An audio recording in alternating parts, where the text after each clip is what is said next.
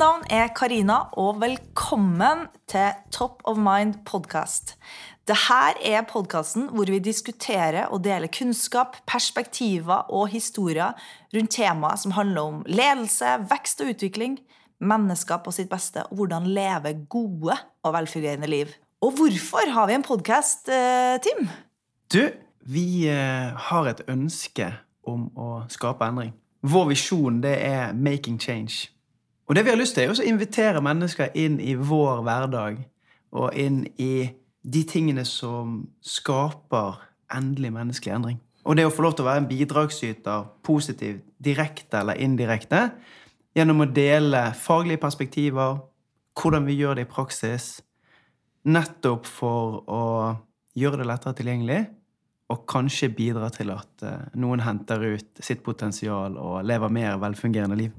Og vi vil dele temaer fra til enkeltindivider, vekst og utvikling, organisasjoner, teams. Og i denne podkasten vil vi òg ha inn noen mennesker som vi stiller noen spørsmål som kanskje har gjort noe som eh, er verdt å bite seg merke i. Og hvem er vi? Jo, overfor meg så sitter Team Rudi Wøyteberg. Og jeg er så heldig å få lov til å uh, utvikle denne podkasten sammen med deg. Du er rådgiver og lederutvikler i Mind. Du jobber jo med individer, det kan være medarbeidere og ledere, team, ledergrupper, altså avdelinger med medarbeidere. Du jobber på organisasjonsnivå med strategi, målsetting osv. Og, og det jeg må bare si, det Team er ekstremt god på, det er å sparke deg på leggen når du trenger det. Eh, og så i tillegg så er han med å støtte deg, eh, heie på deg eh, og spare med deg når det er riktig. Takk. Det var, det var noen gode ord. Ja. Karina Andersen Aas. Og jeg har sittet og tenkt litt eh, Hvordan skal jeg presentere Karina? Og Karina er vel eh, best beskrevet som en sånn lite fyrverkeri eh, når det kommer til mental trening og utvikling. Karina har eh, godt og vel snart 15 års erfaring med å veilede mennesker på mentale prosesser, og jobber i dag som mental trener for Elverum håndball herrer og UnoX eh, Development Team. Samtidig som hun jobber med lederutvikling, veiledning og ja, utvikling av team og det Karina er god på, det er å stille alle disse fem spørsmålene etter at du har sagt noe, for å komme til dybden i hva er dette her faktisk handler om. Og hva styrker er det du tar med deg eh, inn i denne podkasten, Karina? Vi jobber jo styrkebasert, så det er jo nyttig å, starte og snakke litt om hva er det Ja, Det er et godt spørsmål, Tim. Jeg tror jeg tar med Jeg er jo god på å forberede meg. da. Høy på kvalitet. Eh, så det tar jeg med meg inn. Gode forberedelser. Eh, improvisasjon, spontanitet. Lyttende, observerende. Vi skal jo ha noen spennende gjester. Og det å lytte få tak på akkurat det du sier. da, Stille de her spørsmålene. Hva er det dette handler om? Det å trekke ut læring, erfaring. Eh, se det de snakker om fra ulike perspektiver. Ja, Det tror jeg kanskje jeg kommer til å ta med inn. Og Hva med deg? Hvilke styrker er det du skal spille opp eh, utover høsten? Og jeg tror kreativitet. Ja. Optimisme. Eh, en av mine viktigste verdier er det å dele å få uh, overføre, eller få andre til å dele, eller dele sjøl, ting, uh, ting som kan gi andre noe verdi. I dag har vi gleden av å ha Lisa Viås Straume hos oss i Top of Mind-podkasten. Og det her har vi gleda oss til, Lisa. Og Tim, du har gleden av å si kort hvem er Lisa Viås Straume? Ja, og jeg tenkte jeg skulle gjøre det fra mitt perspektiv. Lisa er en uh, dame med bein i nesen fra Harstad. Uh, formelt sett en doktorgrad i positiv psykologi fra NTNU. Hun uh, er gründer og faglig leder i Mind, selskapet som vi alle tre jobber i. Og så tenkte jeg at jeg skulle være litt lur, så jeg skulle google Lisa for å finne, for å finne litt snacks. Men det som kommer på hele førstesiden, det er faktisk reklame om foredrag. Så da blir Lisa er foredragsholder og blir bedt om å stå på de store scenene og dele sitt eh, faglige perspektiv. Jobber mye med lederutvikling og det å veilede toppledere i å ja, skape gode organisasjoner. Velfungerende organisasjoner. For eh, de som har sett eh, NRK, så er det nå seks år siden hun ble nesten nasjonalt kjent som Dr. Lykke. Dog et begrep som hun kanskje forsøker å kjempe seg litt forbi. Velkommen til oss, Lisa. Å, tusen takk. Det er en artig intro. ja. Kan ikke du starte og så bare si litt om deg sjøl? Åh, ja, når jeg satt og hørte på introen din, så tenkte jeg ok, før jeg begynner å sensurere meg sjøl for mye, så datt tankene mine tilbake til den historien som mamma bruker å fortelle om meg. At når jeg var lita og satt i sandkassen og lekte med mine ting, så hendte det at jeg ba de andre ungene om å gå hjem. og det var fordi at jeg, jeg hadde en sånn, og det har jeg, sånn, sånn har jeg alltid vært, elsker å bli så oppslukt og engasjert i det jeg gjør, at jeg glemmer tid og sted og alt som er rundt meg. Og den følelsen den dyrka jeg allerede som toåring. altså. To-treåring. Eh, eh, og nå kan det hende at det sier litt for mye om eh, meg som lagspiller. der, der, tror jeg at jeg er blitt bedre i en alder av 42. Eh, Men eh, ja, det, det, er nok allikevel en historie som beskriver meg ganske godt, tror jeg. Hvordan har du brukt det opp gjennom denne reisen? Ja, altså, bruk det. For det første så er det jo noe som kommer naturlig, og det gjør det nok for alle mennesker. Alle mennesker kan bli så oppslukt og engasjert i det det gjør at de glemmer tid og sted. Det kalles jo å være i flyt. Eh, men så har jeg jo samtidig lært meg at det er en ressurs jeg også kan bruke litt mer bevisst. Jeg har nok en eh, ganske sånn sterk utholdenhet til å dykke dypt i noen ting. Ja. Det har jeg. Og så har vi, vi, har jo litt lyst til å komme raskt inn på hva er det som er drømmen? Hva er det som er visjonen? Ja, altså Jeg sitter midt i drømmen akkurat nå. Det er egentlig helt fantastisk. For det at min drøm har jo i veldig, veldig, veldig mange år vært å bygge opp et miljø med, eller et team med folk som har de samme grunnleggende, eller som deler den samme grunnleggende visjonen om kunnskap for en bedre verden. Det er jo det som er NTNU sin visjon, men det er også hjerteslagene i alt jeg gjør, altså, eh, knytta til jobb. Eh, jeg elsker å dele kunnskap, og jeg tror veldig sterkt på at det er løsninga på veldig mye. Eh, og det å ha et team rundt meg med folk som deler den samme drømmen, og hver dag investerer av sin tid til å få det til, det er jo ja, det er en drøm som går i oppfyllelse. For der er vi jo i dag, selv om ikke vi er i mål og fortsatt skal jobbe videre på det. da, så det er ganske herlig å kjenne på. Og når vi nå er inne på drømmer, mm. og, og, nå skulle lytteren egentlig sett eh, Lisa her, for nå, nå ser vi at det, glist, det glitrer i øynene når vi snakker om det her. Eh, og så er jo misjonen til Mind og 'making change'. Mm. Eh, og så har jo Mind jobba en del eh, i den siste perioden med å liksom, okay, hva, hvor, hvor, stor vil vi bli, hvor, hvor mange vil vi nå? Uh, og Så starta man med 40 000 og 50 000, og nå er vi oppe i å påvirke, ønsker å påvirke 1 milliard mennesker. ja. hva, hva, betyr det? Hva gjør det med deg å tenke det? Du, jeg har først en liten erkjennelse, og det er sånn i all hemmelighet, ikke si det til noen, for det er litt flaut. Uh, men i forkant av Eh, en av de interne fagdagene vi skulle ha. Vi har jo interne fagdager flere ganger i året hvor vi samler oss og bruker to-tre dager på å bare eh, liksom, dykke inn i oss sjøl og faget og alt vi skal være i læring på. Eh, men som forberedelse da, til den, en av de fagdagene så gikk jeg jo rundt og spurte alle dere andre hva, hvor mange mennesker har vi påvirka når vi kommer til 2025. Og jeg hadde jo svart på det spørsmålet sjøl uten at jeg hadde sagt det til noen. Og da hadde jeg skrevet på paden min 300 000, sto det. Og når, når, vi tok den første runden i plenum, og jeg begynte å høre på dere, så skrev jeg på en null i all hemmelighet. Før jeg kom til meg sjøl og skulle dele mitt tall. For jeg tenkte herregud, 300 000 er jo altfor lite når jeg begynte å høre hva, hva, dere, hva dere tenkte. Så jeg gikk i hvert fall opp til 3 millioner. Og så kommer Jan Håkon vet du, og knuser det hele med sitt store en milliard. Og en visjon, den skal jo den skal jo si noe om et ønska fremtidsbilde. Og det skal ikke være lett å komme dit. Det er en fordel at det er målbart. Det er jo selvfølgelig et spørsmål hvor, hvor, hvor enkelt vil det være for oss å måle, å måle, det. Og vi måtte også diskutere ok, hva mener vi med å påvirke, da. Eh, og kan vi ta med ringvirkningen? Men, men den historien her sier jo masse både om, om, det å drømme stort og tørre å drømme stort, og så sier det også noe om betydningen av å jobbe sammen på sånne typer drømmer. Hvor mye mm. man kan begrense seg sjøl i sitt eget lille hode. Eh, hvor det kan høres så stort ut, helt til du sier det høyt, og så blir det bare bursdag. så, ja, så det var egentlig en ganske artig erkjennelse. Litt vondt, men, men viktig. Og hva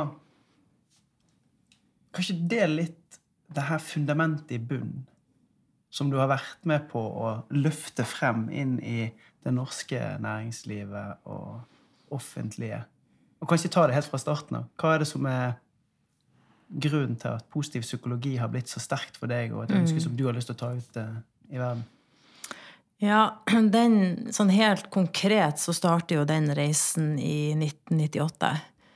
Uh, da har jeg vært ute i verden og studert litt uh, andre fag, og er liksom klar til å ta fatt på psykologistudiene. Og hadde jo en veldig sånn klar idé om at jeg skulle bli klinisk psykolog og skulle jobbe med behandling og alt det der. Eh, og det er for øvrig et veldig veldig spennende felt. Eh, men jeg tok jo en jobb samtidig på en barne- og ungdomsinstitusjon. Hvor jeg jobba med ungdom mellom 12 og 18 år. Akutt plassert. Og det her var jo ungdommer som av en eller annen grunn ikke kunne bo hjemme lenger. Eh, og selv om det var en akutt institusjon, så var det sånn at veldig mange av de ungene ble værende der lenge. For det er ikke så lett å plassere 16-åringer i fosterhjem. ikke sant? Og de er også for unge til å bli plassert varig på institusjonen. Takk og pris, altså. Eh, men poenget er i hvert fall at jeg, jeg jobba mye eh, på den plassen der. De hadde mye behov for folk, og det var beleilig for meg, fordi at den plassen lå midt imellom universitetet og eh, der jeg bodde. Og jeg kunne gå både helgevakter, nattevakter, dagvakter, ettermiddagsvakter. ikke sant, hele der. Eh, men poenget er jo at jeg brukte jo masse tid med disse ungdommene. Det, vi var jo ute på fjellturer, vi var på kafeer, vi satte opp danseforestillinger, vi spilte kort, og vi gjorde liksom alle de her tingene som normale ungdommer liker å holde på med. Ikke bare ungdommer, men både barn og voksne. Og da skjedde det noe med dem. Og det som skjedde, var at de ble helt normale ungdommer. De òg ble oppslukt og engasjert i det de gjorde. De feira når de nådde toppen eller klarte en ny dansemove ikke sant, som de hadde trent på lenge. Og, og i mange av de prosessene der så fikk, vi, vi, etablerte jo kontakt. Det er et ganske viktig ord. En, en form for kontakt hvor de begynte å åpne seg og dele historier om livene sine, altså livshistorier. Eh, både om ting som hadde skjedd, og om ting de drømte om skulle skje. Og i de historiene der så hørte jeg jo så mange utrolig konstruktive mestringsstrategier. Jeg hørte eh, håp, optimisme. Jeg hørte liksom eh, Altså det som jeg vil karakterisere som styrker og ressurser. Og det var jo mange ganger jeg tenkte at vet du, jeg tror at det kommer til å gå bra med deg. Og jeg fikk jo rett ganske mange ganger. Men tilbake til institusjonen og overlappingen og arbeidet vi gjorde backstage der, så hadde ikke vi noen systematisk målretta kartlegging av de eh, ungdommene der. Så den viktigste livslæringa som jeg fikk på den arbeidsplassen der, det var jo hva betyr det når vi utreder noen for å kunne hjelpe dem etterpå? Jo, vi leter etter feil, etter mangler, hva vi må fikse eller reparere, hva som var galt med dem. Det var jo det som var fokuset vårt. Eh, og det var viktig. Sånn, kjempeviktig. Det må vi fortsatt gjøre. Men jeg så at det ikke var nok. For jeg så at mange av de viktige livshistoriene hvor læringa og styrkene og ressursene lå, de fikk ikke vi tak på gjennom de kartleggingene vi gjorde, og de utredningene vi gjorde. Eh, og det var bakgrunnen for at jeg måtte revurdere valget jeg hadde tatt, eh, og fant ut at den riktige veien for meg, det er å gå forskningsveien. Jeg må finne ut hva er dette Hva er det med styrker og ressurser? Hvordan kan vi kartlegge det? Hvordan kan vi systematisk eh, ta det i bruk? ikke sant? Utvikle verktøy og metoder for å hjelpe folk. Og um, det var jo grunnen til at jeg måtte til Trondheim. da. Og så leda det arbeidet videre til en doktorgrad. Ja. Hm. Lang historie. Og en veldig sterk historie. Den, jeg kjenner den treffer meg. Mm. Det å bli sett i svakheter, mangler, feil, få noe begrepa på hva som er galt med deg, eller hva som ikke fungerer. Mm. Det er ikke bare bare å leve med som et ungt menneske. Nei, og det er klart når, når eh, utgangspunktet for å gjøre det er for å hjelpe, sant? Det, er jo, det er jo bra, det er jo mye nyttig som man kan komme opp med der. Og så er det liksom viktig for meg å understreke at jeg mener ikke at man skal slutte med det, men jeg mener at det er ikke nok. Uh, og em, jeg har jo fortsatt med meg i hjertet mitt både mange av de ungdommene og folk jeg har møtt på veien etter det, hvor jeg har sett hva det har gjort med dem. Og også få lov å vise, vise frem den sida av seg sjøl. Eh, og ikke bare vise frem, men også bli gjort klar over. For mange tenker jo ikke over det. Mange er jo ikke klar over hvilke styrker og ressurser de har før de får hjelp til å sette ord på det. Og det er en ganske sterk, sterk opplevelse å få lov å være med på. Si litt om det. Hvordan, hvordan bruker du dette her i hverdagen? Eller hvordan ser du at det virker på de menneskene som du møter? Ja, Kanskje spesifikt inn i styrker og ressurser. Det ene spørsmålet er jo hvordan gjør man det, og det andre hva, hva skjer med dem. Eh, for å ta det siste først. Det som skjer, er jo at eh, man, folk får kanskje en litt sånn dypere mening knytta til mange av sine valg. Eh, og hvordan de lever livet sitt, og hva som er rett for dem å gjøre og ikke gjøre. Eh, og det handler også mye om hvordan man gjør det. For jeg har jo en veldig sånn klar kobling mellom menneskelige styrker og ressurser til, til våre grunnleggende verdier. I psykologien så er det jo noen ulike retninger eller fagmiljøer på dette, hvor noen av den liksom, styrkebaserte psykologien handler jo om medfødte talenter, mens andre er mer opptatt av capacities, eller liksom ferdigheter, eller kapasiteter. Og så har du denne tradisjonen som går på at det er de grunnleggende verdiene som danner utgangspunktet for styrkene dine. Hvor vi kan si at uh, i det du, du tenker, føler og handler uh, i tråd med verdiene, så kan vi definere det som, som styrker. Uh, og det er relativt enkle spørsmål uh, å stille til folk for å få tak på det der, selv om det er uhyre vanskelig å svare på noen ganger. Men et eksempel kan jo være når er du mest motivert? Det er et fantastisk spørsmål.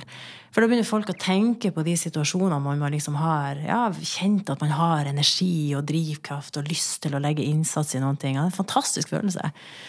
Ok, Hvilke situasjoner er det? Jo, det er, noen vil si at det er når jeg jobber sammen med andre i team. Mens den andre vil si nei, det er når jeg får sitte i fred i sandkassa. og den tredje vil kanskje si begge deler. Sant? Takk. Um, og ut ifra sånne svar så kan man jo utforske videre. ok, Er dette med samhandling, samspill, relasjoner, er det viktig for deg? Ja, det er kjempeviktig, sant, vil noen si.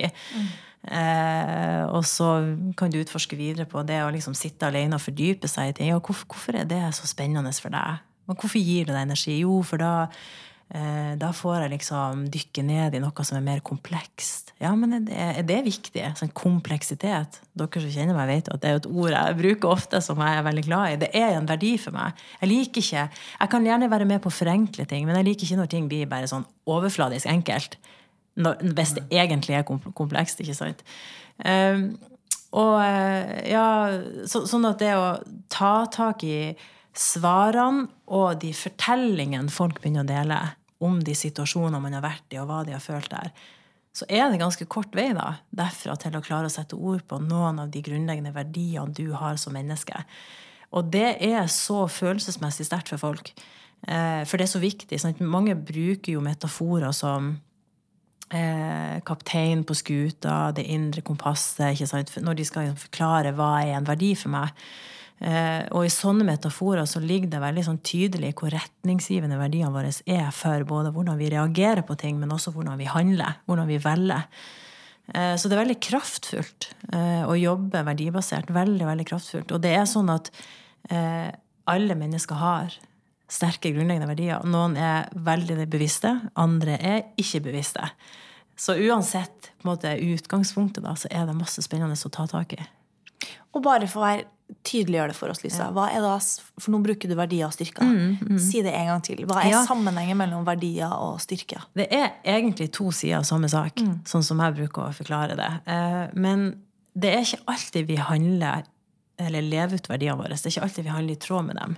Og sånn sett så kan vi si at når vi har gjort en kartlegging av dine verdier, altså en verdikartlegging, da har du et, et A3-ark med 25-30 forskjellige ord på. Der står det kanskje kvalitet, perspektiv, eh, prestasjon, målsetting, balanse, frihet. Det er masse sånne ord som benevner grunnleggende verdier for deg. Da er det sånn at noen av de verdiene, de utøver du masse i eh, hverdagen din, og kanskje overbruker du dem litt. Sant? Det kan jo være at du har kvalitet som en kjempeviktig verdi, og så er det sånn at i alt du gjør, så legger du kvalitet i det. Da er det en styrke. Men det kan også bli en overbrukt styrke, at du blir perfeksjonist. Sant? Men så kan det være at du har noen verdier på det kartet som ligger og hviler. Resting values kaller vi det. Verdier som er viktige for deg, men som du ikke helt handler i tråd med. Og der har du egentlig forskjellen. Så en styrke, sånn som vi tenker på det, den har en kobling til dine verdier. Hvis du er ordentlig god på noe, men ikke har det kobla til en verdi, så er det en ferdighet. Mm. Sånn, du kan være skikkelig god på noe, eller du kan ha noen prinsipper om ting, eh, eller noen interesser for noe, uten at det nødvendigvis er en verdi. da. Men i vår måte å forstå det på, så er verdiene kobla til styrkene, og, men du kan ha verdier du ikke ennå utøver som styrker. Hm. Spennende. Og det som er interessant, og du sa det jo litt her de her verdiene her, de mm. styrer jo valg og mm. atferd. Og, og, du sier jo litt om det, men Kan du gi noen eksempler på hvor styrende det her kan være for oss uh, mennesker i hverdagen? Ja, altså hvis jeg skal ta et eksempel for meg sjøl Faktisk også et eksempel på hvordan jeg kan overbruke en sånn styrke. Jeg har dele, og dele er en av mine viktigste verdier. Jeg syns det er så viktig. Jeg syns det er så artig elsker jo å dele ting. Og, og, det ligger jo mye i hele mitt virke ikke sant, i jobben min. At jeg orker å farte verden rundt og gå på scener og dele kunnskap for jeg har så sterk tro på det. Men jeg kan jo ta det der litt for langt. ikke sant, At jeg, jeg kan bli litt sånn påtrengende på det. da. At jeg, når vi, jeg blir jo litt flau når jeg snakker om det, men, men eh, ja, for eksempel da når vi, når vi skulle sylte jordbær for vinteren så kjøper jeg en kasse ekstra med jordbær fordi at jeg syns det er litt artig hvis jeg kan dele ut litt av det til andre også. Så er det jo noen som ikke liker det, eller ikke syns det passer seg at jeg kommer og ringer på døra og lurer på om du vil ha jordbær som jeg har laga. Jeg vet ikke, Det er kanskje et håpløst eksempel, men, men, men jeg, jeg, kan bli veldig sånn besatt av at hvis jeg har noe, eller opplever noe, eller gjør noe som jeg syns er fantastisk artig, så vil jeg at alle andre også skal skjønne hvor artig det er. Som eksempel uh, julebord i Mind, når jeg leier turnhallen. For at jeg vil at alle dere som jobber i Mind, skal få oppleve hvor artig det er å turne. Og så er det jo noen som syns det er helt forferdelig. Enten skummelt eller ikke artig i det hele tatt. Men, men, men, da tror jeg det er litt den derre at jeg har så lyst til at dere skal få oppleve hvor artig det er. Jeg har lyst til å dele den opplevelsen, sant? Mm. Men, men så, så, blir det noen gang litt sånn mismatch imellom hva som er mine personlige interesser i denne delinga, og hva som er, som andre sitt. Ja, jeg vet ikke om det er et godt eksempel, men Det er et kjempefint eksempel, og det, jo, det som er interessant, er jo for nå får vi muligheten til å spørre rett ifra kilden. Sant? Når du da blir bevisst dette her. Mm. For nå kan det jo være at det er folk som lytter, så kjenner de på noe av det som du har nevnt. Mm. Hvordan forvalter vi det videre? Hvordan er en klok måte å Hvis jeg ser at nå Ja, det der er egentlig et ganske viktig spørsmål som jeg har grubla mye, spesielt de siste årene, på det her med Vi jobber jo veldig sånn systematisk med dette med overbruk. Det er noe vi er opptatt av å trene både de vi har i mental trening og de vi har i lederutvikling, om å bli bevisst hvilke grunnleggende verdier du har, hvilke av dem du utøver som styrker, og hvilke du har en tendens til å overbruke. Sant? For det at det kan trigge allergier og frustrasjon hos andre, det kan være negativt eller hemme, hemme samspill og samarbeid. Eh, Når du sier og, allergi, bare for, for, de som ikke er kjent med begrepet, hva er det som ligger i det? Ja, Det er jo en, en reaksjon. Det, det, er jo en følelsesmessig allergisk reaksjon, altså frustrasjon. Mens du, hvis du spiser noe du ikke tåler, så får du rødt utslett som klør. Mens når du må være sammen med noen du ikke tåler oppførselen av, så klør det i magen og hjertet og inni kroppen. Ja. Så det er jo en reaksjon, rett og slett. En følelsesmessig reaksjon på, på noen eller noen ting som går på tvers av dine verdier. Ja. ja. Eh, og så tilbake til det der med å jobbe med overbruket. Så jeg, jeg tror dette er utrolig viktig at, at målet vårt skal jo ikke være å ikke overbruke. Men det skal være å kjenne seg sjøl nok til at du kan bli oppmerksom på når det skjer. Eh, og kunne sette ord på det og kunne korrigere deg litt med utgangspunkt i det. da. Sånn at jeg har jo ikke laga meg noen livsprosjekt om at jeg ikke skal eh, dele for mye. eh, Uansett hva det er snakk om, om det er snakk om å dele kunnskap eller tvinge andre til å gjøre ting jeg syns er artig. Eh, Men at jeg må være litt mer bevisst på når jeg gjør det, og at jeg kan tenke meg litt om. Og hvis vi, For, for å ta noen litt sånn andre eksempler hvis, hvis vi sitter i en faglig diskusjon, og jeg blir veldig opptatt av kompleksitet, så kan det være at alle har rett i at dette må vi forenkle litt. For ellers så sant, blir på en måte nyttigheten borte. Eh, Det at jeg kan forstå hvorfor pulsen går litt opp, hvorfor jeg blir litt frustrert, og at jeg kan sette ord på det at hør nå her, nå kjenner jeg jo at det koker litt inni meg, for at jeg syns at det blir for mye forenkling. Og så kan dere si ja, men Lisa, vi vet jo at kompleksitet en styrke du har, som, som, og den er vi så takknemlige for. Den er så viktig. Eh, men vi har jo en visjon. Vi skal jo hjelpe noen. Og da må vi forenkle litt på veien, eller så mister vi den muligheten. Kan ikke du være med oss på den tanken?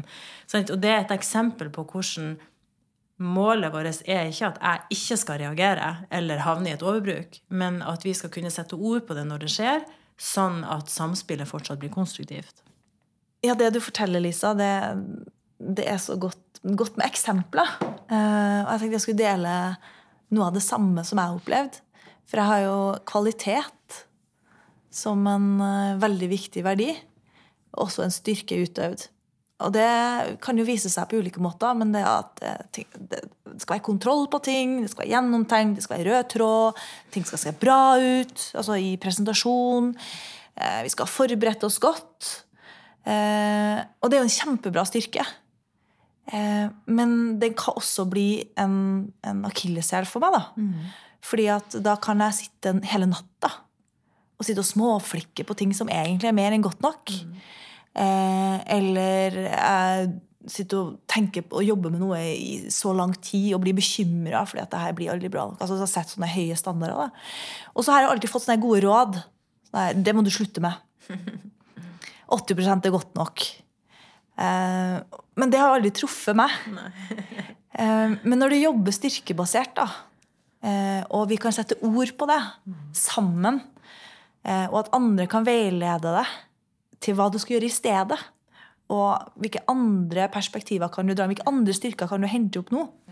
Ja, kanskje har du noen resting values på kartet. Ikke sant? Noen som har ligget litt brakk, men som du nå på en måte er klar for å spille opp. da. Ja. Hva kunne det ha vært? Eksempel improvisasjon. Ja. Spontanitet. Det er du veldig god på. Ja, Det men det har liksom kommet veldig i bakgrunnen da, av det her kvalitet, for ting skal være så gjennomtenkt. Eh, Men jeg er jo egentlig god til å ta ting i rommet og, og ta det som kommer også. Så det å hente fram det og Ja, gjøre mer av det, gjør at jeg automatisk gjør mindre kvalitet. da. Og det der er så stilig. For det det er også noe med om hvorvidt man er i livet der og i en kontekst og i et samspill med andre, at det At man er på en måte klar for å spille det opp, da. Eh, for det, det er ikke sånn at man eh, altså man, man kan jo være bevisst på at ok, jeg har en tendens til å overbruke kvalitet, og så har jeg også improvisasjon. Eh, men det er ikke nok å bare vite det. Du må på en måte dykke litt inn i ok, når er, det, når er min arena for å øve meg på dette? Hvem er det som kan spare med meg og gi meg retning på det? For at, og det tror jeg også er kjempeviktig. At man ikke skal ha en idé om at all form for endring og utvikling skal man være ansvarlig for sjøl. Det er også en litt sånn idé som har modna litt i, i hodet mitt. For at positiv psykologi som fagperspektiv det fikk jo i de litt tidligere årene mye kritikk for at det var veldig sånn individfokusert. Og det er egentlig helt riktig. Og jeg ser tilbake at min egen måte å tenke rundt den praksisen på var også veldig sånn individorientert eh, for noen år siden. At eh, du er på en måte ansvarlig for dine egne tanker, og du må ta grep, og alt avhenger av hvordan du sjøl gjør ting. Og det har jeg egentlig gått litt bort ifra.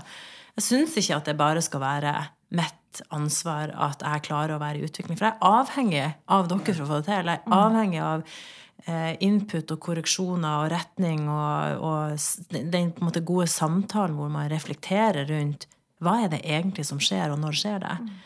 Og jeg tror at, at eh, det, det, samspillet med kollegaene, kollegaene da, når man kan, kan, på forhånd si OK, Karina, hva, hva er ditt prosjekt nå når vi går inn i denne leveransen? Hva har du lyst til å gjøre mer av? Mm. Ja, i dag har jeg lyst til å improvisere litt mer. Ja, men kult. Hva trenger du fra meg mm. for at du skal få det til? Hvordan kan jeg spille deg god? Og så kan jeg si at, eh, at du vet jo, Karina, at, at jeg, jeg, skal, jeg, lover at jeg skal gjøre mitt beste på det. Og så vet du at jeg kan bli veldig oppslukt og engasjert i min egen formidling når jeg først er i gang. Kan ikke du gi meg et lite hint hvis du merker at jeg er på tur utpå forbi klokka og tidsoptimismen? ikke sant? Hvis du hjelper meg med det, så skal jeg klare å huske på at jeg spiller deg god på din improvisasjon. Og da er det et samspill. Da er det ikke bare mitt ansvar at jeg klarer å bli bedre på noe jeg vil bli bedre på. Og, og i tillegg så Gjennom den historien her, eller de eksemplene du gir, da, så kommer det også frem at det er en fordel at vi er ulike. Mm. Eh, og, for vi vil jo gjerne, det Ofte så tenker vi at det er enklest å samarbeide med de som er mest lik oss. Ja, det er selv. det letteste. Ja, det letteste. Men det er kanskje ikke det vi trenger. Nei, det er kanskje er det godt for oss at jeg jobber med en person som er høy på effektivitet, fremdrift.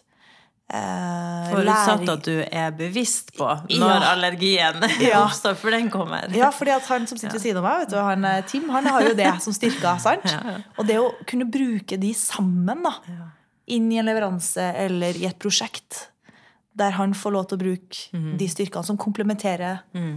mine styrker. Da. Mm. Ja, det er stilig. Herregud, for et samspill man kan få til. da. Hva man kan skape sammen. Så det er jo det vi har det er vel litt tilbake til det å sitte midt i drømmen. ikke sant? Jeg syns jo det er det vi, vi får til nå. Og det, hvis vi tenker tilbake på den, den siste fagsamlinga vi hadde, hvor vi sitter elleve stykker i rommet med hvert vårt styrkekart ikke sant? og hvert vårt eh, overbruk og utviklingsområde, og allikevel klare å være så ekte, åpen og ærlig til stede i diskusjonene. Det er rom for temperatur, det er rom for eh, alt. Men det er ingen som, som eh, liksom reagerer personlig på det på den måten at det hemmer diskusjonene. Vi kan registrere og observere at det skjer, vi kan sette ord på det, flire litt av det, og så tar vi hensyn til det mm. når vi prøver å bevege oss videre i det. Det blir kanskje litt abstrakt sagt, men eh, prøv å sette ord på en opplevelse. Og så sitter jeg og lytter til dere eh, litt på siden, og så kommer jeg til å tenke på en ting som vi veldig ofte får høre etter vi har snakket om disse tingene her, mm -hmm. ute blant mennesker. Da er det kanskje noen som tar opp hånden sin. Men det var veldig fint, dette her, med alt som styrker, og alt det positive. Men når skal vi begynne å snakke om svakheter? Kan ikke si litt om, Bare for, bare for tydelig å klargjøre litt. Hva er, hva er, svakheter oppi dette her med styrker? Og kanskje hvordan henger ja. det sammen med positiv psykologiperspektiv? Ja, ja, Vi snakker jo om svakheter hver eneste samling og hver eneste foredrag vi har. Vi bruker bare et litt annet ord på det. Ja. Vi bruker overbruk primært. Eh, eller overslag er også et eh, mye brukt ord. Og eh, vi kan snakke masse om hva som er utfordringen og barrierene og hinder. Og det er begreper vi bruker men så er vi ikke så veldig glad i å kalle det for problemer. fordi at det, Og det der handler litt om liksom, hva er det som gir folk energi til å prøve å løse ting. Uh, her er vi jo inne på sånn approach, avoidance, motivation som to ulike systemer i motivasjon. Går du i noen ting og prøver å oppnå noe, eller vil du prøve å trekke deg unna og unngå noe? Det er jo to ulike systemer, det der, og vi vet jo at det ligger mest energi i approach-driven motivation. Så idet vi klarer å definere eh, noe som en utfordring eller en barriere vi kan komme oss forbi, et hinder som man kan hoppe over, eh, en styrke som er i overbruk, så skaffer vi oss samtidig et mye, mye større handlingsrom, fordi at vi har mindre forsvarsresponser ja. å stå i mm. først. For hvis jeg sier til deg at du har et problem, Karina, fordi at du, er, du, du overbruker Du blir perfeksjonist. Mm. Du legger altfor mye tid i, i, eh, forberedelsene, og det er unødvendig. Så hvor, hvor, lyst får du til å gjøre det? Er jo nesten så jeg må bare passe meg litt for å fortsette resonnementet her. Sånn at det jeg kan si, er at Karina, jeg vet at en av dine styrker er kvalitet, og jeg, er så, jeg setter så pris på det. Fordi at Jeg klarer ikke å levere på min drøm om å bygge et lag som faktisk skal skape endring og utvikling der ute i verden. Kunnskap for en bedre verden hvis ikke vi er nøye og kvalitetsbevisste i det vi gjør. Så det er kjempeviktig. Så ser jeg samtidig at det noen ganger den tar, tar mye plass.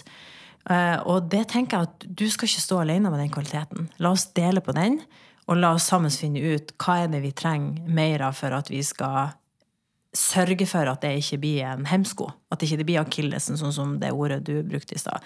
Hva trenger vi av styrker for å, for å, løse det? Jo, vi trenger litt mer effektivitet. Ok, Vi kobler på Tim, for han er jævlig god på å springe fort. Og masse, og langt. og lenge. Eh, så, så, det er ja, noen eksempler rundt at formuleringa og ordvalget og språket og benevnelsen vi bruker på ting, er veldig veldig avgjørende for hvor lysten folk har til å ta tak i sånne ting. Eh, og, og, jeg syns jo at mye av den kritikken som, som, media trekker fram på positiv psykologi, er jo fullstendig misforstått. For det handler jo ikke om å tenke positivt. Og de som fortsatt skriver kronikker om at den positive psykologien og man tenker positivt, da har de ikke fulgt med i timen. Det er ikke det som er den reelle kritikken. Den reelle kritikken er at altfor mye av forskninga har vært på individ- og ikke gruppenivå. Det har vært på den hvite eh, middelklassen. For lite globalt. Det begynner vi jo å rette på nå. Vi har jo kommet noen steg videre på det. Du har det her med binary oppositions, at, at vi har eh, ett ord for eh, for, eh, eller vi har flere ord for de samme fenomenene, og så har vi flere fenomener på det samme ordet. Sånn at det blir liksom uklart på ting, og du har også det her med at altså, hva kommer først av, av høna eller egget. Eh, så, så det, det, er mange sånne eh, mer grunnleggende ting i hvordan forskninga er gjennomført, på hvem den er, den er, gjennomført, hvordan designet på de prosjektene har vært, sant, som er kritikkverdig. Og det er for så vidt kritikk som gjelder for psykologien generelt sett, og ikke bare positiv psykologi. Men jeg tenker at skal man gå inn og, og kritisere positiv psykologi som perspektiv, så må man først sette seg litt inn i hva det faktisk er. For det handler ikke om å tenke positivt. Men det handler om en komplementær tilnærming til den tradisjonelle psykologien, som har vært veldig sykdomsorientert, hvor utredning har dreid seg om å kartlegge feil og mangler for å prøve å fikse og reparere det. Og lykke er ikke eh, fravær av depresjon. Mot er ikke fravær av feighet. Det er jo noe annet. Mm. Og vi kan ikke forstå fenomenet mot hvis vi forsker på fravær av feighet. Vi kan ikke forstå hva er det som fremmer god helse på arbeidsplasser, hvis vi forsker på hva er feil med de som er langtidssyke.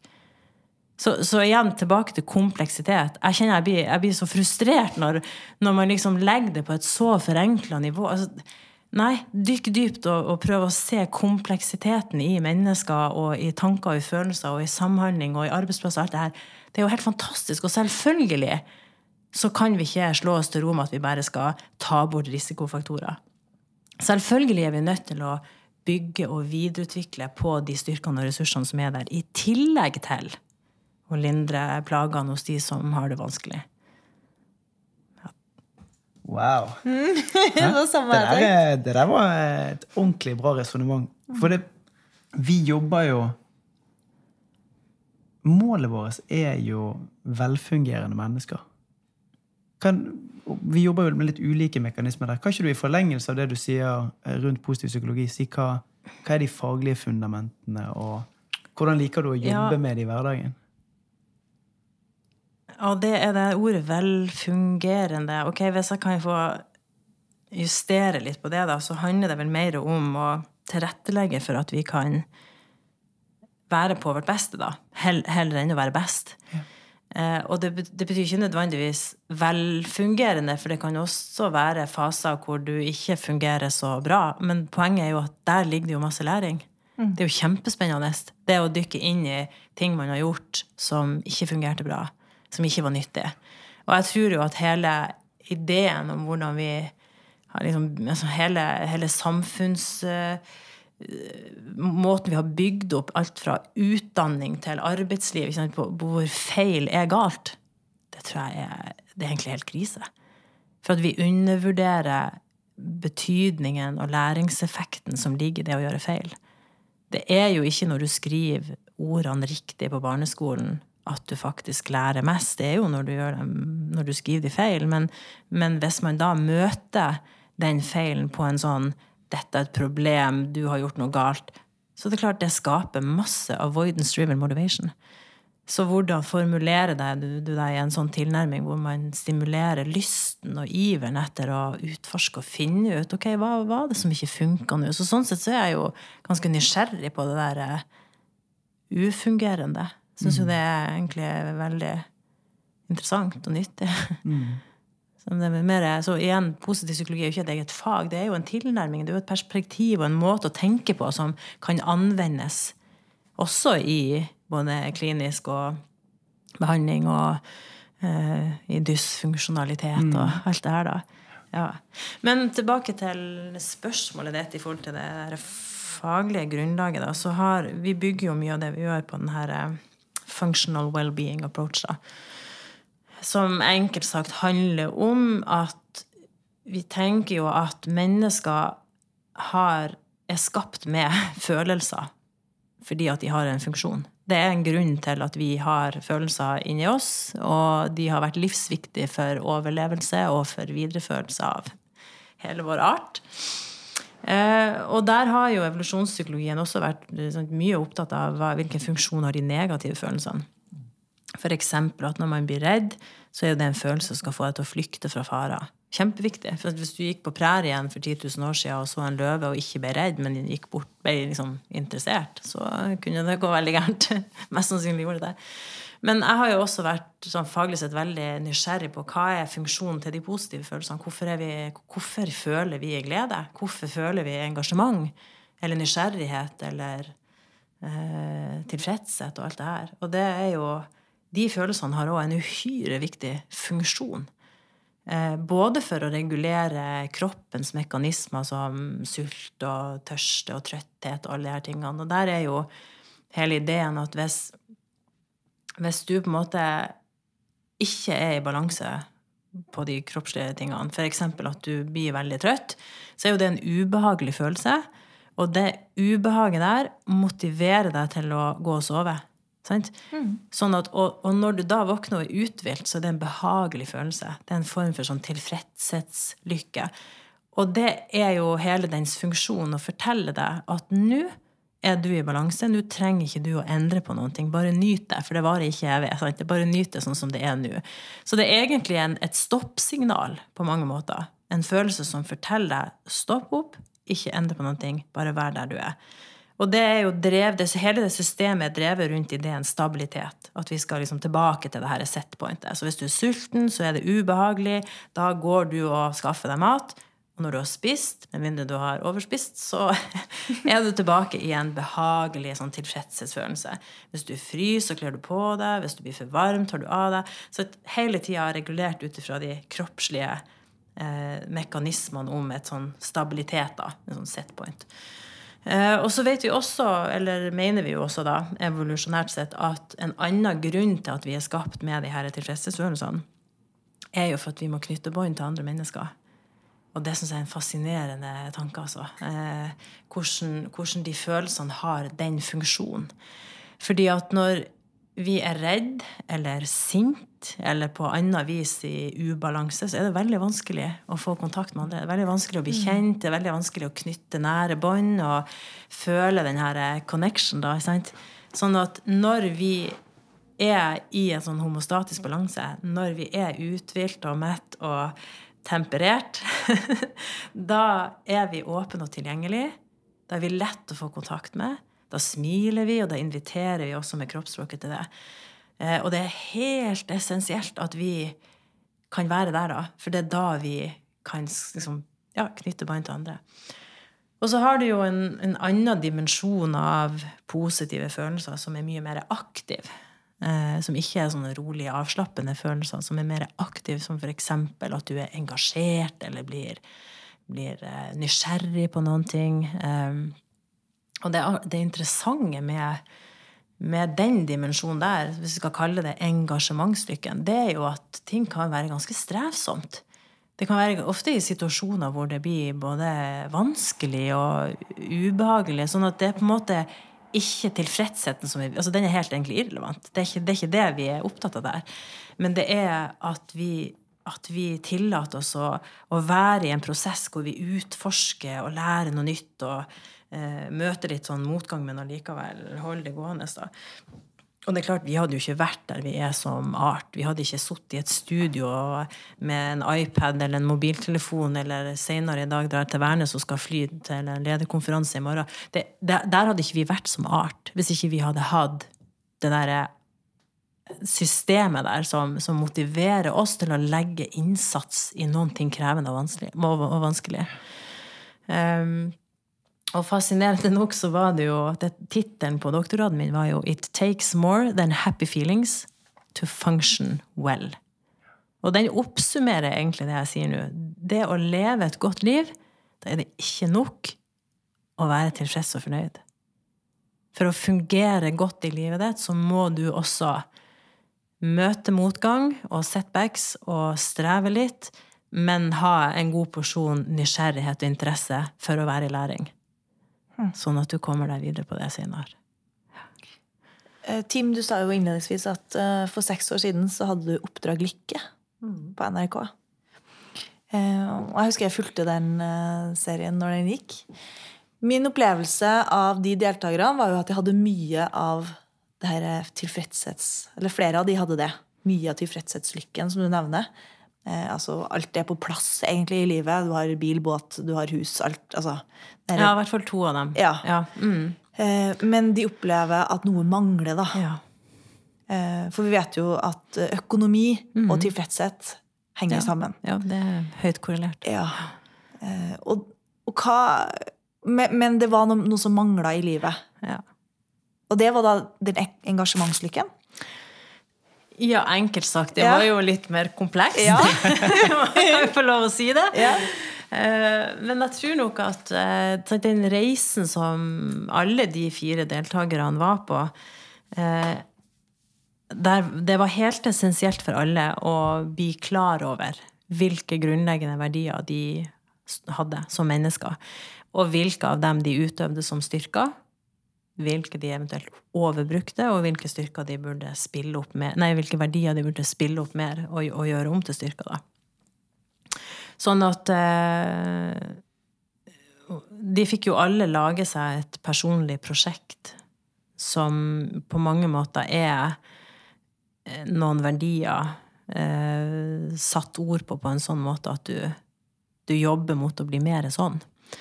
Og for uh, hun ene sant, så, så, var jo på en måte hennes livssituasjon at hun jobba ekstremt mye. Og hadde gjort det hele sitt voksne liv. Veldig sånn karriere, direktørstilling og uh, vanvittig arbeidskapasitet. Og noe mangla. God økonomi, alt det der var på plass og burde være fornøyd, men noe mangla. Mm. Så, så, i hennes reise, så, så for å gjøre en lang historie kort, så det traff henne i magen når ordet balanse dukka opp. Det var liksom Oi! Det. Balanse og tilstedeværelse. Det var to sånne stikkord som, som dukka opp hos henne. Jeg husker jeg spurte henne når, um, når var du sist alene, sånn at du kunne sette deg ned og på en måte være til stede i øyeblikket og tenke over deg sjøl og livet ditt og hvem du er? Ja, det er ca. 22 år siden, sa hun. Så det var lenge. Så, og det er litt interessant, for det betyr jo at vi kan gå ganske lenge i et sånt, et sånt mønster som kanskje ikke er helt optimalt for oss. Mm. Og det funker fint, det også. Men hvis man eh, legger litt innsats i det, så har man kanskje mye å gå på. da. Mm. Så for henne så ble jo det en, en viktig reise. Og så eh, men det er klart igjen, det, det, det, er mye mer eh, Det er mer under der, da, i mm. det isfjellet, enn, enn at det bare handler om at man må ha mer engasjementslykke, eller eudaimonia, som vi kaller det på fagspråket. Men, men det som er, er, litt sånn Kanskje kan klargjøre det litt, er jo at det å jobbe verdibasert, det å jobbe med å kartlegge hvilke grunnleggende verdier og styrker du har som menneske, og det å bli bevisst hvilke du overbruker, og i hvor stor grad eh, du havner i verdikonflikt med enten deg sjøl eller med, noen andre. For noen ganger så, så, tar vi valg som er på tvers av verdiene våre. Og mm. det, det, det tapper oss for energi. Andre ganger så må vi ta valg som eh, som, ja, At andre tar valg som er på tvers av det vi kan stå for, og så er vi på en måte med på det. da. Eh, så det å jobbe med å få en bevissthet og en innsikt i de tingene der, eh, det er jo eudaimonia in practice. Det er jo engasjementsstyrken i, i praksis. Sånn at poenget mitt nå er at det er ikke nødvendigvis følelsen av engasjement og nysgjerrighet og interesse, men det faktum at du går en prosess med deg sjøl hvor du blir mer bevisst på i hvor stor grad, eller hva verdiene dine er, og i hvor stor grad du handler i tråd med dem. Fordi at det vet vi skaper. Det er det som skaper energien. Det er det som skaper engasjementet og meninga. ikke sant? Så det er litt sånn hvor, hvor kommer det fra? Det er ikke bare følelsen, men den kommer fra noen ting. Ja. Jeg vet ikke om det var Og jeg synes det, det som jeg er litt nysgjerrig på, er jo hvis du kan For de som sitter og lytter, og så kan det være at du treffer noen ting i, i resonnementene dine. Hva råd vil du gi som er litt sånn enkle, som de kan ta med seg ut eh, Eller prøve sjøl i forhold til å finne ut hva verdier er det jeg har, hvordan forvalter jeg de? Når kjenner jeg på de ulike følelsene? Jo, det er veldig interessant å ta utgangspunkt i, eh, i hverdagssituasjoner. Eh, enten de situasjonene hvor du vet at det er bare det artigste jeg gjør, eller der trives jeg, der er jeg motivert. Eh, for eksempel at når jeg er på jobb for, for jobbe med konseptutvikling, det syns jeg er spennende. Så ta tak i situasjoner du er i, hvor du kjenner masse motivasjon. Eh, og prøve å svare på men, men hva, hvorfor er det hva er det jeg egentlig syns er interessant med det. Hvorfor syns jeg det er så artig? Eh, og så hjelper det å ha noen å snakke med også. Det er vanskelig å finne ut av dette inni sitt eget hode. Så, så få litt hjelp fra noen du, du, har tillit til, som kan stille deg litt vanskelige spørsmål. Og så er det også eh, veldig interessant å ta utgangspunkt i ting som ikke fungerer. Har du en konflikt med noen? Er det typiske situasjoner på jobb eller hjemme som ofte frustrerer deg, som gjør deg litt sånn oppgitt? Og det er jo et allergispørsmål. Hva gjør deg sint? Hva gjør deg frustrert? Hvis folk svarer da ja, vet du, det er noe med det verste jeg vet, det, det er folk som lyver. Ja, men ok, hva er da verdien? Det er jo ærlighet. Ja, det verste jeg vet, er folk som kommer for seint til møter. Å, det blir jeg så irritert. Ja, men hvorfor, hvorfor blir du irritert da? Hva er det egentlig det handler om? Jo, for jeg syns at man skal være punktlig og pålitelig. Ja, men sant, fint. Da har du noen verdier til. Um, sånn at du både kan lete etter det som ikke fungerer, det dysfunksjonelle, masse nyttig å lære fra det, og de situasjonene hvor du fungerer optimalt. Og så prøve å liksom gå ned noen hakk fra den situasjonen du er i, til hvorfor reagerer du sånn som du gjør i den situasjonen. Det er jo der svaret ofte ligger. Eh, og, og det her opplever jeg jo at folk får til ganske lett. Altså, når vi holder foredrag for store forsamlinger, så kan vi bruke 10-15 minutter på å gi en sånn oppgave. Tenk tilbake på en situasjon hvor du var på ditt beste, eller hvor du var ordentlig motivert. Eh, beskriv hva du gjorde, hva var det som skjedde. Og så På bakgrunn av en sånn historie så klarer folk ganske lett å spotte hvilke styrker var i spill. Eller du kan spørre ok, tenk tilbake på en situasjon hvor du ble ordentlig utfordra, hvor det liksom var vanskelig, men allikevel så var du motivert å stå i det. Og da, det, da kommer det ofte historier som, som handler om at du, du sto opp for noen ting du trodde på. Rettferdighet eller omsorg eller liksom, sånn, den type ting. Så, så, det er egentlig ganske kort vei da fra de hendelsene og til å skjønne hva er det egentlig som ligger bak. Hvorfor dreide jeg meg? Det er et fyrverkeri av uh, råd som kommer. Meg og Karina, vi, det er ikke så ofte vi får lov til å sitte på andre siden av bordet og stille alle spørsmålene til deg, og så bare sitte og lytte. Mm. Uh, men vi har jo også litt lyst til å så ja, spørre deg litt hvordan ser du dette her kan passe inn i verden videre? Har du gjort deg opp noen tanker? Styrkebasert utvikling i skole? Oh. Hva vil effekten være? Eh, hvordan kan vi gjøre det? Bare for å dele litt de tankene og perspektivene du har rundt det. Mm. Og det er masse, masse, masse tanker som kommer i hodet nå, for at vi har jo lyst til å dele både kunnskapen og verktøyene våre på så mange arenaer. Jeg, synes liksom at jeg, tror at, jeg tror alle kunne hatt, hatt hjelp for det. Men, men et eh, litt sånn spennende eksempel er jo turen til Luxembourg rett før sommeren. Hvor eh, finanstoppen i Europa, altså eh, European Investment Bank og World Bank Group går i hop og arrangerer en konferanse om etikk, hvor utfordringa de står på, er at vi har de siste 30 årene laga lover og regler og etiske retningslinjer for å få folk til å ta kloke valg. Og det funker ikke. What do we do? Jo, vi prøver å se til behavioral science, eller bl.a. psykologi, da, for å prøve å finne svar på hva er det slags underliggende mekanismer som, som trer i kraft her. Hvorfor er det sånn at noen velger helt på tvers av det de vet de burde ha gjort? Hvorfor er det sånn at noen ikke er bevisst på hva de faktisk burde ha valgt? Hvordan eh, sørger vi for at folk skaffer seg eller får ferdigheter til å gjøre etiske refleksjoner? Og det spørsmålet der det kan du ikke besvare ved å bare si hva folk skal gjøre annerledes. Du kan ikke bare lage en, en etisk retningslinje. For da er, da er, det ikke et etisk dilemma. Altså når, når retningslinjen er beskrevet, så kan du bare snu deg til den og lese den og si ja, check, jeg har gjort det. Jeg har ikke mottatt en gave over 500 kroner ferdig. Det, det, er enkelt. Men utfordringa er jo all den tid, og det skjer jo hver dag, at vi står i etiske dilemmaer hvor uansett hva du velger, så blir det feil. Hva er et eksempel på det? Jeg kunne tenkt meg å dele et eksempel som jeg, som jeg fikk på eh, Som jeg fikk presentert på den konferansen med en jeg sto og snakka med, som fortalte at eh, en i ledergruppa hadde eh, opplevd mens de satt i møte, å få en telefon fra sin familie om at mora var gått bort. Så hun forlot møtet selvfølgelig helt i oppløsning, og dro hjem og var borte noen dager på, av det.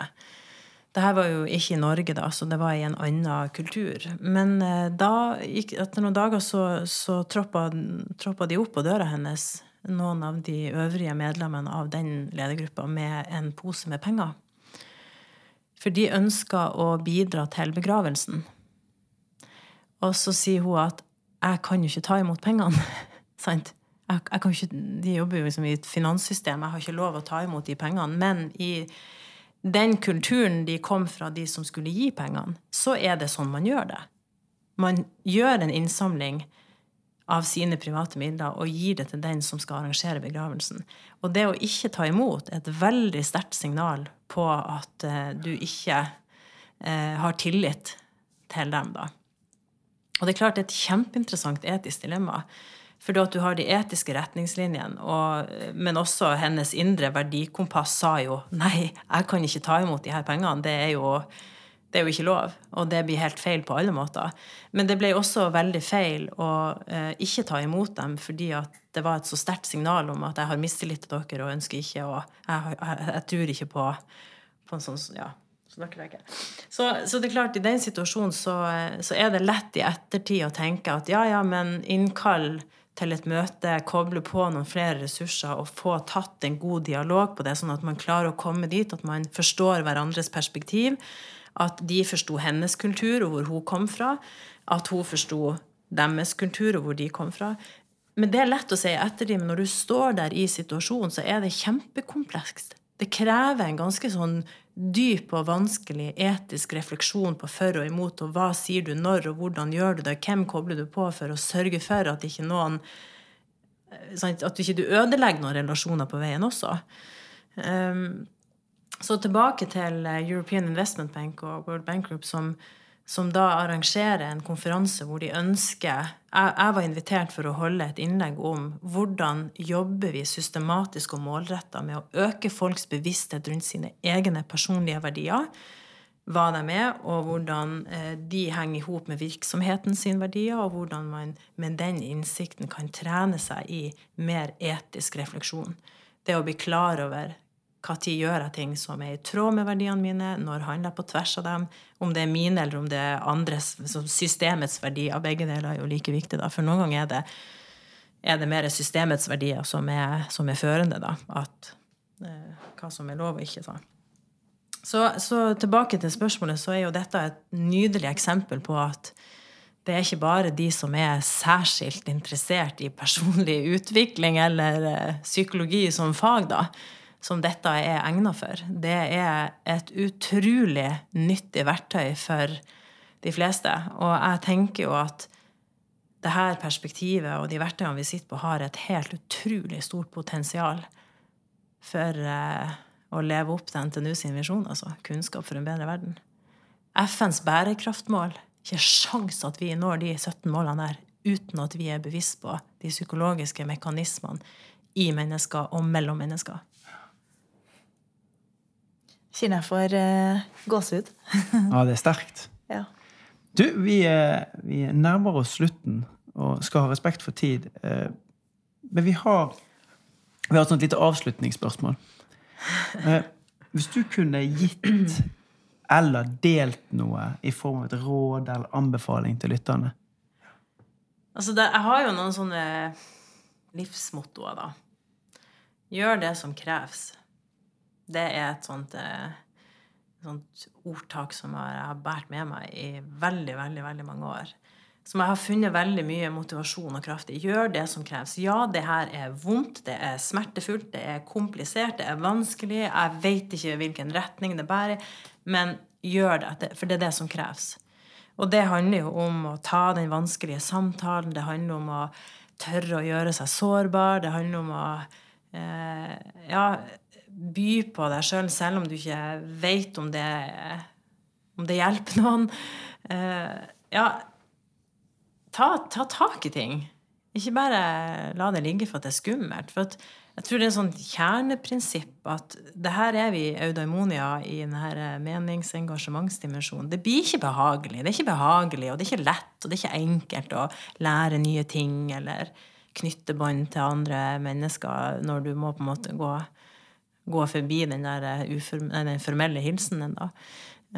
Så, så, det er noe med å akseptere at det der er en uhyre viktig del og dimensjon av livet. At noen ting er strevsomt. Det er den strevsomme lykken. Og den er helt fantastisk hvis man tør å gi den litt plass. Men det koster. Så gjør det som kreves. Det er liksom et, et motto som jeg også deler ofte med mange ledere. Og så er det det her som jeg blir litt klokere på i mine, mine eldre dager, holdt jeg på å si. Det hørtes jo helt forferdelig ut. Men du trenger ikke å ha ansvar alene. Be om hjelp del og be om hjelp. For det at de fleste Det er et sånt interessant paradoks ikke sant, at når andre deler og gjør seg sårbare, deler noe de syns er vanskelig, så ser vi på dem som sterke. Men når vi gjør det sjøl, så ser vi på oss sjøl som svak. Og det er jo en logisk brist. At vi liksom har helt egne standarder for oss sjøl som ikke gjelder for noen andre. Så det å slippe folk til, det å sette, liksom dele hva man strever med eller har lyst til å utvikle seg på, det er jo en gave. Gjør mer av det. For det er ikke så farlig som det kan høres ut inni hodet før man har prøvd det. Ja. Vi går mot slutten. Jeg tenkte vi skulle oppsummere litt uh, hva vi har snakka om i dag. Jeg kan jo først trekke ut det viktigste mitt, og så kan, jeg, kan du gjøre det samme, Tim. Um, hvis jeg skal trekke ut én ting som jeg beit meg merke i da, så er det det her at veldig mange av oss ikke kjenner våre egne styrker og verdier. Og at gjennom å bli kjent med de, så kan vi oftere anvende de. Eh, og gjennom å anvende de oftere, så kjenner vi på mer energi, motivasjon, glede, inspirasjon. Og så er det her dimensjonen med at alle har vi styrker, men alle styrker kan også overbrukes mm. og bli din svakhet. Og når vi vet det, så tenker jeg at uh, da kan vi jo snakke mer om det. Mm. Og dele mer og diskutere og være åpne om det. For alle styrker kan også bli potensielt til svakhet. Mm. Kvalitet kan bli perfeksjonisme. Uh, den effektive kan uh, springe fra teamet sitt.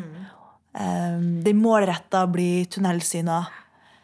Og det skjer med oss alle. Ja, det det. Og vi trenger hjelp av hverandre til å være balanserte. At svakhetene egentlig også er en styrke. Ja. Det er ganske stilig hvis du snur på det og sier at hvis, hvis, det er noen som du irriterer deg over, eller noen som, som ikke gjør, gjør, så mye av det de skal, f.eks. at en kvalitetsbevisst irriterer seg over noen som ikke legger kvalitet i det, mm. så kaller vi dem for slurvete og useriøse og alt mulig, mens det egentlig er effektivitetsstyrken som ligger bak. Mm. Det er stilig. Mm enn du, Tim, hvis du skal trekke ut noe fra samtalen med Lisa? Og jeg syns det har vært helt nydelig å få lov til å stille disse dybdespørsmålene Og la ham få lov til å forklare hvordan det her faglige henger sammen. Eh, for å ja, gi oss et bilde av hva er det som er forankringspunktene, eller knaggene som vi henger det på når vi går ut og, og jobber. Og så syns jeg det har vært fint med noen praktiske verktøy. Eh, hvordan ser jeg det i meg sjøl? Hvordan kan jeg stille spørsmål? Og hvordan kan jeg bruke det? Tusen hjertelig takk for praten, Lisa. Å, takk for at jeg fikk komme og dele og prate. Og eh, takk til eh, du som har lyttet. Eh, Hvis du har spørsmål, innspill eller forslag til tema som du vil at vi skal snakke om, så er det bare å kontakte oss. Dere finner oss på Facebook, MindAS, Instagram, mind underscore AS, eller på mind.no. Og likte du episoden? Fortsett å følge oss. Trykk på abonner, så får du den ferskeste episoden eh, rett på telefonen din eller der du hører på podkast. Vi håper at du vil være med oss neste gang. Hei da!